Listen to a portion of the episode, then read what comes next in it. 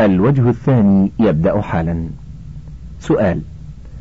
أود أن أطرح عليكم سؤالا كان محض خلاف بين عدد من الناس وهو أنه كانت مكتوبة كلمة الله وكلمة محمد بشكل متداخل فيما بينهما في أعلى باب أحد المساجد في محافظة أدلب وهي كما يلي. فمنهم من قال بأنه لا يجوز كتابتها على هذا الشكل وبرهنوا على قولهم بأن محمدا صلى الله عليه وسلم أصبح بذلك في مرتبة الله وهذا غير معقول. ومنهم من قال بأن كتابتها ليس فيها أية حرمانية لأن الله عز وجل جعل اسمه بجانب اسم رسول الله صلى الله عليه وسلم. فأرجو منكم الإرشاد الصحيح ولكم مني جزيل الشكر. جواب مما جاء في نصوص الشريعة القرن بين الشهادة لله بالتوحيد والشهادة لنبيه محمد صلى الله عليه وسلم بالرسالة في مواضع من ذلك القرن بينهما في الأذان للصلاة وفي الإقامة لها. وفي حديث بني الإسلام على خمس شهادة أن لا إله إلا الله وأن محمد رسول الله الحديث. وغير ذلك مع بيان ما يجب الإيمان به على المكلفين بالنسبة لكل منهما مما هو أهله كقول المكلف لا إله إلا الله محمد رسول الله. أما مزجها كتابة فلم يأتي في كتاب الله ولا في سنة النبي صلى الله عليه وسلم. ومع ذلك ففيه خطر عظيم إذ فيه مشابهة لعقيدة النصارى الباطلة في التثليث. وأن الأب والابن وروح القدس إله واحد وفيه أيضا رمز للعقيدة الباطلة عقيدة وحدة الوجود وفيه أيضا ذريعة إلى الغلو في الرسول صلى الله عليه وآله وسلم وعبادته مع الله سبحانه. وعليه يجب أن يمنع كتابة اسم الله تعالى واسم رسوله محمد صلى الله عليه وسلم على هذا الشكل. شكل تداخل حروف اسميهما كتابة وتقاطع حروف اسم كل منهما, منهما بحروف اسم الآخر. بل لا يجوز كتابة الله شرطة محمد على باب المسجد ولا على غيره لما في ذلك من الإيهام والتلبيس لما ذكر من المحاذير وغيرها. وصلى الله على نبينا محمد وآله وصحبه وسلم. سؤال ما هي حقيقة الإسلام؟ جواب حقيقة الإسلام جاءت في جواب الرسول صلى الله عليه وسلم لجبريل عليه الصلاة والسلام حينما سأله عن الإسلام فقال الإسلام أن تشهد أن لا إله إلا الله وأن محمدا رسول الله وتقيم الصلاة وتؤتي الزكاة وتصوم رمضان وتحج البيت إن استطعت إليه سبيلا. ويدخل في ذلك الإيمان بالله وملائكته وكتبه ورسله وباليوم الآخر وبالقدر خيره وشره كما يدخل في ذلك الإحسان وهو أن تعبد الله كأنك تراه فإن لم تكن تراه فإنه يراك. لأن الإسلام متى أطلق؟ شمل هذه الأمور. لقول الله تعالى إن الدين عند الله الإسلام. وحديث جبرائيل حين سأل النبي صلى الله عليه وسلم عن الإسلام والإيمان والإحسان أجابه بما ذكر. وأخبر صلى الله عليه وسلم أن جبرائيل سأل عن هذه الأمور لتعليم الناس دينهم. ولا يخفى أن هذا يدل على أن دين الإسلام هو الانقياد لأوامر الله ظاهرا وباطنا. وترك ما نهى عنه ظاهرا وباطنا. وهذا هو الإسلام الكامل وبالله التوفيق. وصلى الله وسلم على نبينا محمد وآله وصحبه. سؤال ما هي العبودية الحقيقية؟ أهي جعل المرء غيره عبدا ولو كان على غير طريقة الإسلام؟ جواب العبودية أنواع. واحد عبودية حقيقية عامة لجميع الخلق في كل زمان وهذه ليست لأحد إلا لله وحده كما في قوله تعالى إن كل من في السماوات والأرض إلا آتي الرحمن عبدا. لقد أحصاهم وعدهم عدا وكلهم آتيه يوم القيامة فردا. وكما في الحديث القدسي الذي رواه مسلم عن أبي ذر الغفاري رضي الله عنه عن النبي صلى الله عليه وسلم أنه قال قال الله تعالى يا عبادي إني حرمت الظلم على نفسي وجعلته بينكم محرما فلا تظالموا. الحديث.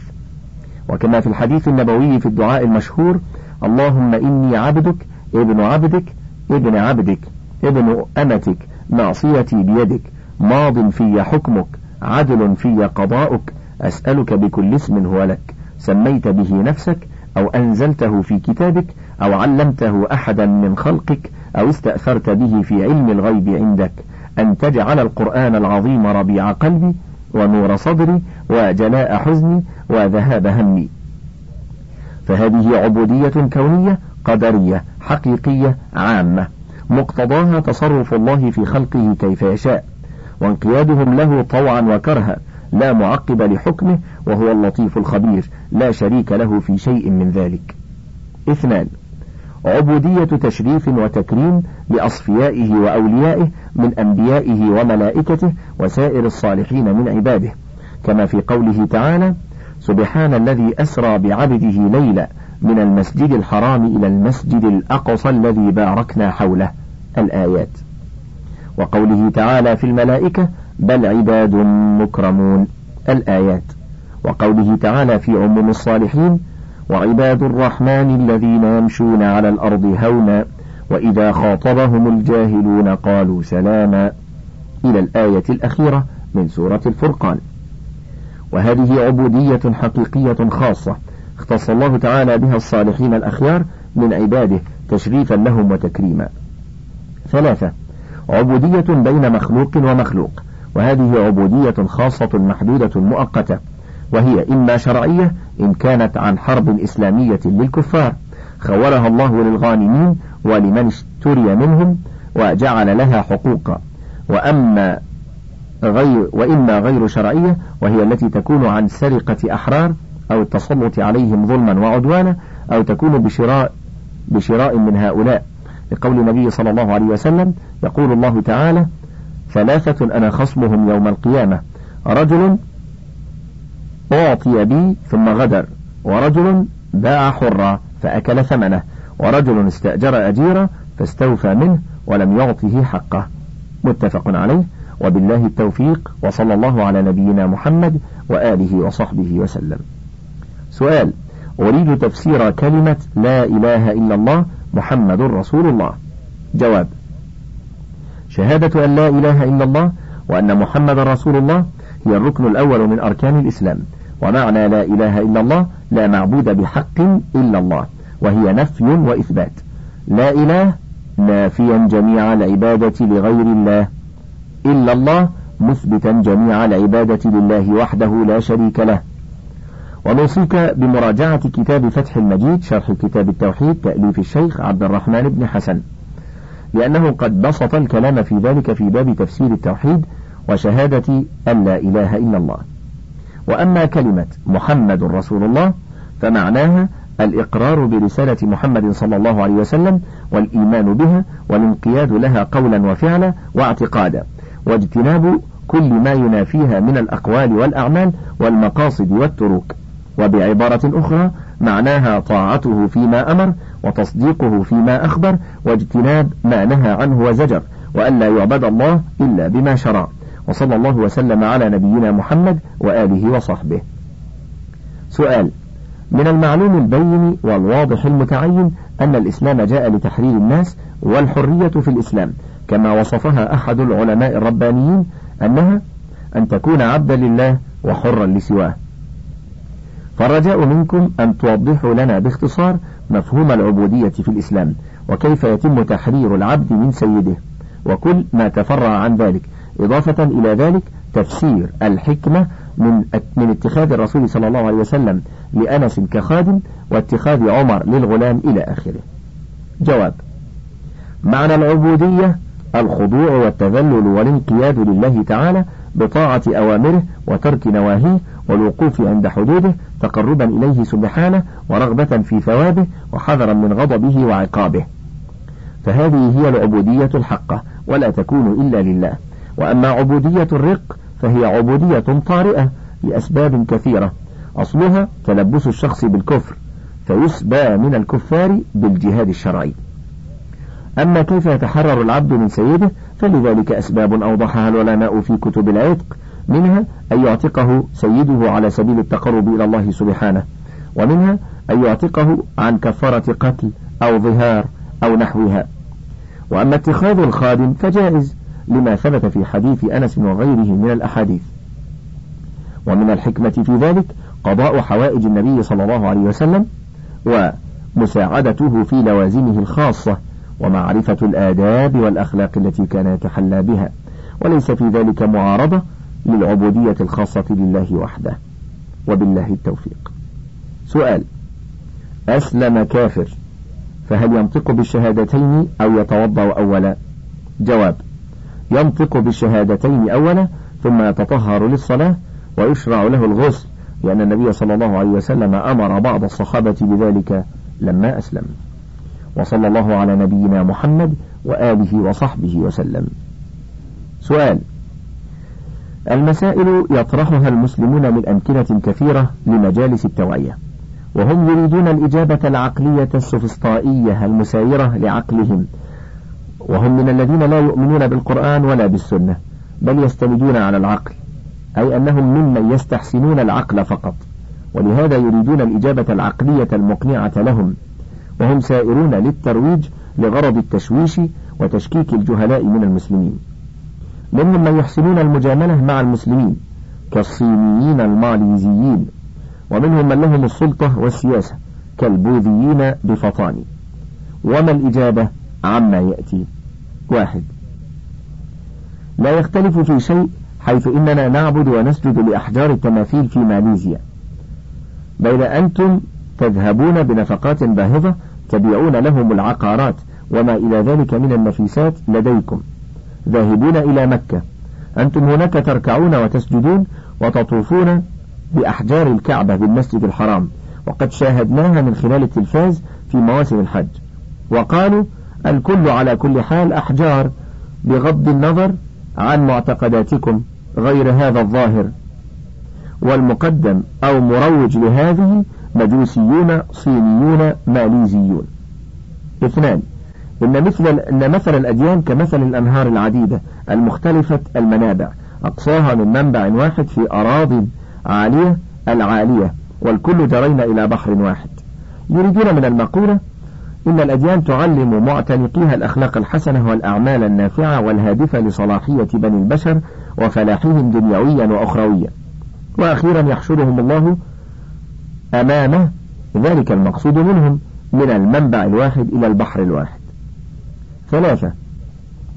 بمعنى من تمسك بأي دين من الأديان فهو ناج لأنه حق الله وإلى الله سواء بدين إسلامي أو بوذي أو مسيحي. ذلك للتشويش أو للتشكيك في صفوف المسلمين وخصوصا في أبنائهم. نرجو الإخطار سريعا بوصول المراقب لديكم. إننا ننتظر ساعة بساعة. نشكركم على ذلك مقدما. لا زال السؤال متتابعا عزيزي المستمع. هذا ومع العلم بأن هذا قول أو فلسفة رهبان البوذيين التايلانديين.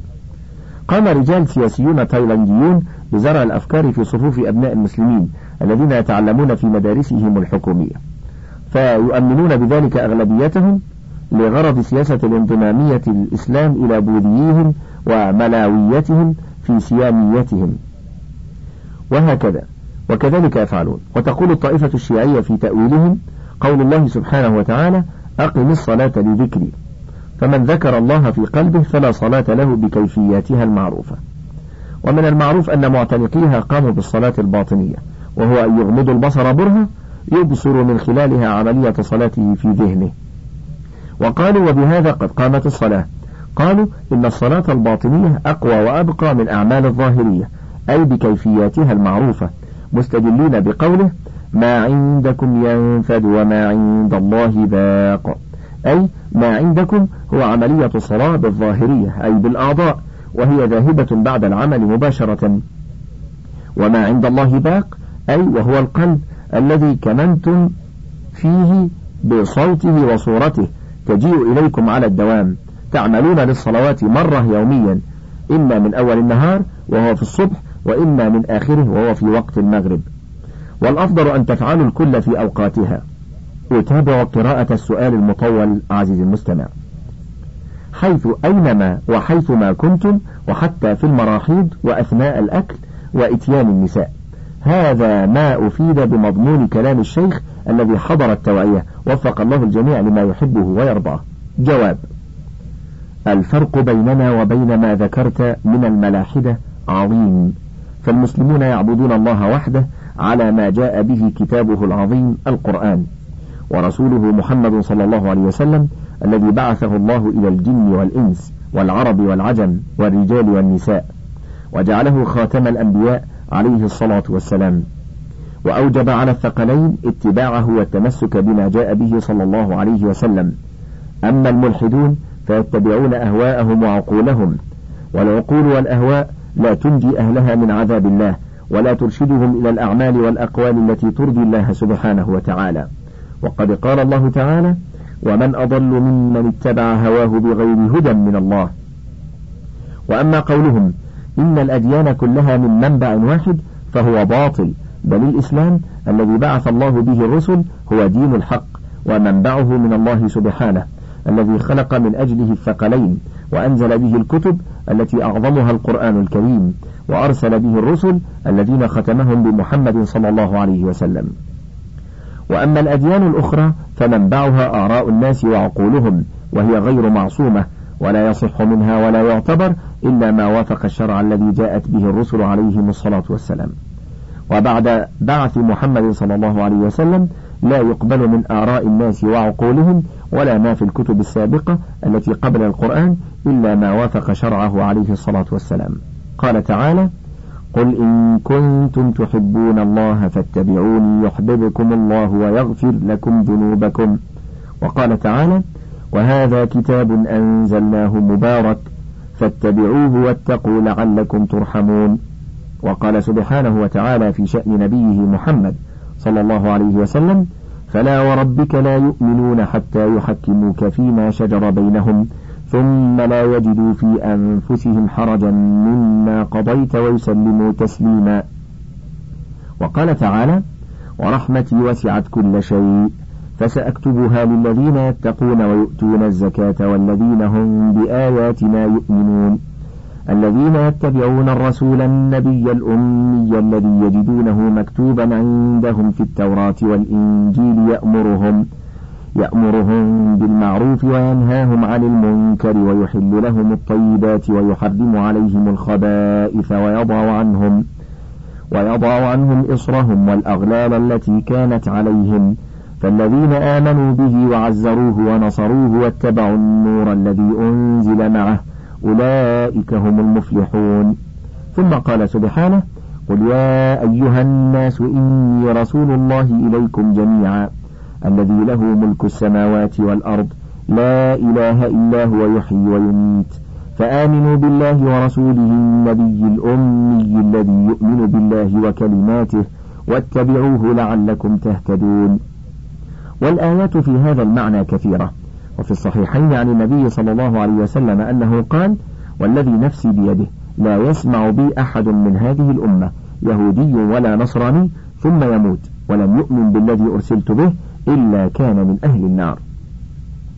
والأحاديث في هذا المعنى كثيرة فالواجب نصيحة هؤلاء الملاحدة ودعوتهم إلى الحق وتذكيرهم بمغبة كفرهم وأن مصيرهم النار إن لم يؤمنوا بمحمد رسول الله صلى الله عليه وسلم ويتبعوا ما جاء به ولكم من الله الأجر العظيم وحسن العاقبة.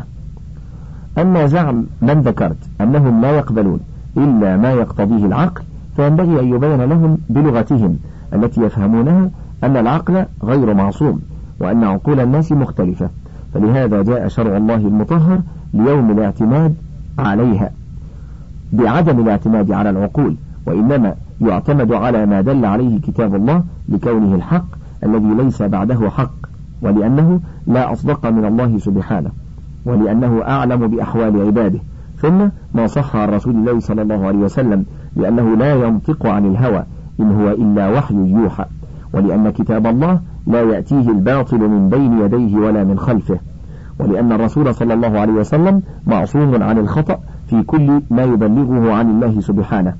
ولهذا أمر الله عز وجل في كتابه العظيم بالرجوع إلى حكمه عند الاختلاف وإلى كتابه وسنة نبيه صلى الله عليه وسلم كما قال سبحانه وما اختلفتم فيه من شيء فحكمه إلى الله وقال عز وجل يا أيها الذين آمنوا أطيعوا الله وأطيعوا الرسول وأولي الأمر منكم فإن تنازعتم في شيء فردوه إلى الله والرسول إن كنتم تؤمنون بالله واليوم الآخر ذلك خير وأحسن تأويلا ولم يأمر سبحانه ولا رسوله بالرجوع إلى العقول وتحكيمها.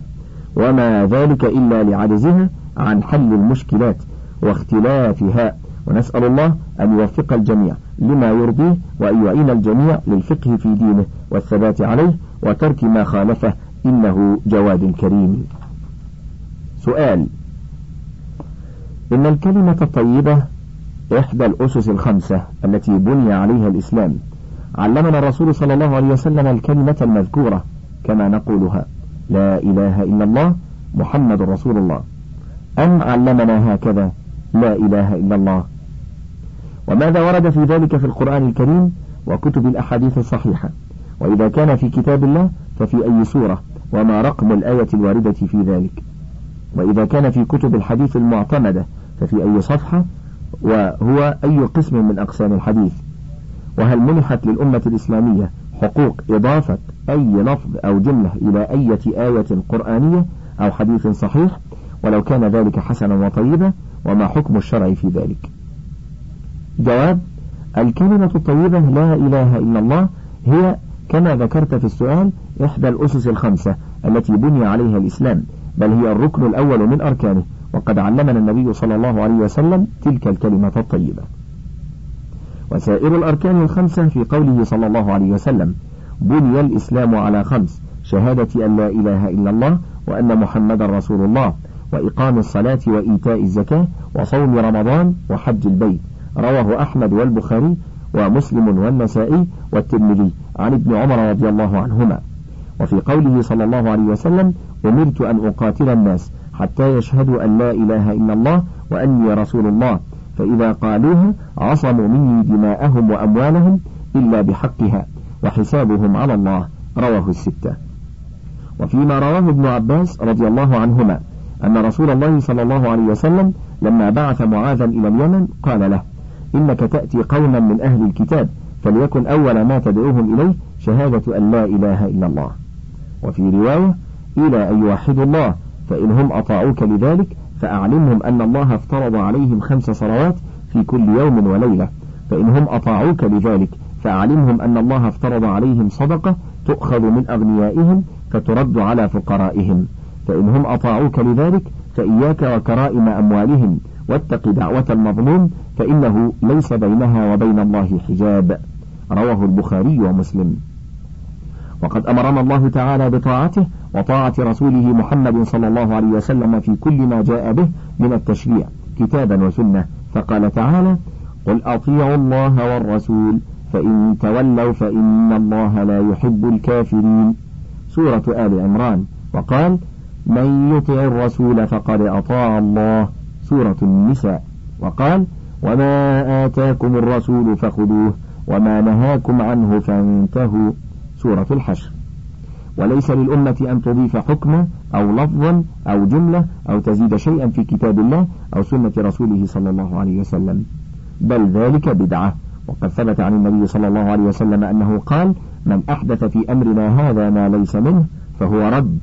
وفي رواية من عمل عملا ليس عليه أمرنا فهو رد. وصلى الله على نبينا محمد وآله وصحبه وسلم.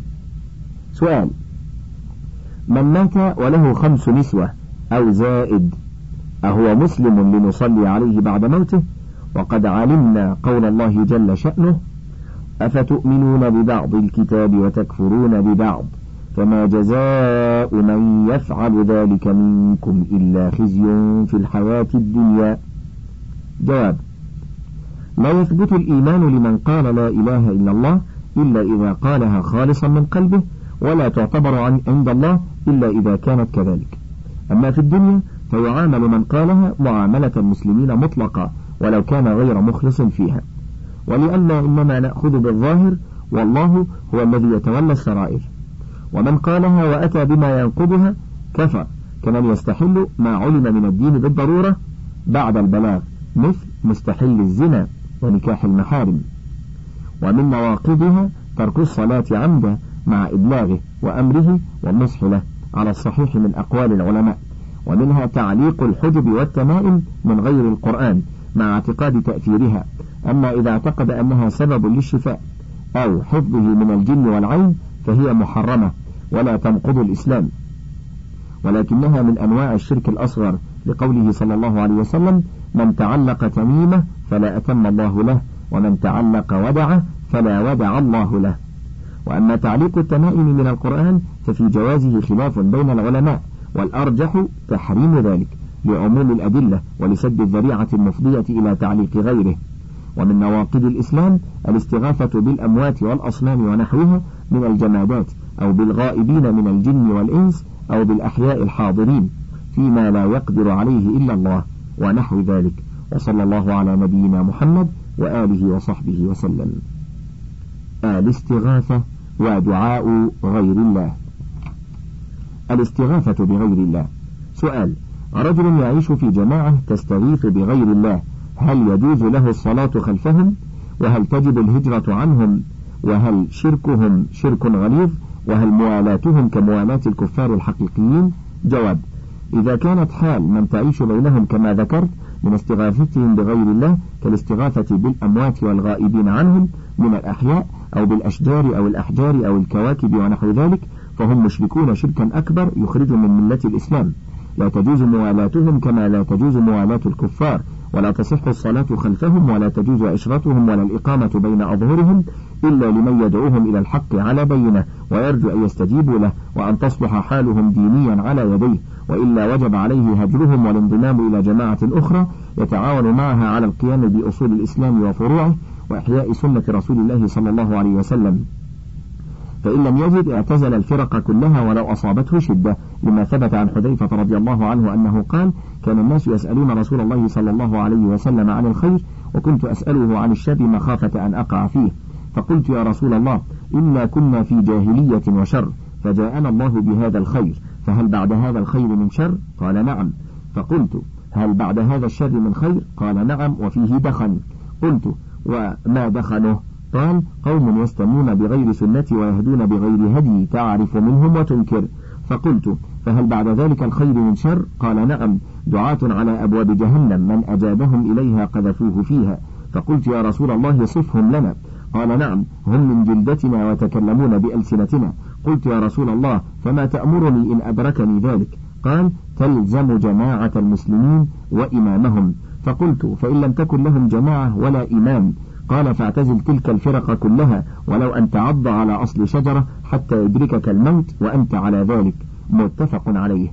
وصلى الله على نبينا محمد وآله وصحبه وسلم. انتهى الشريط الأول من كتاب فتاوى اللجنة الدائمة وله بقية على الشريط الثاني.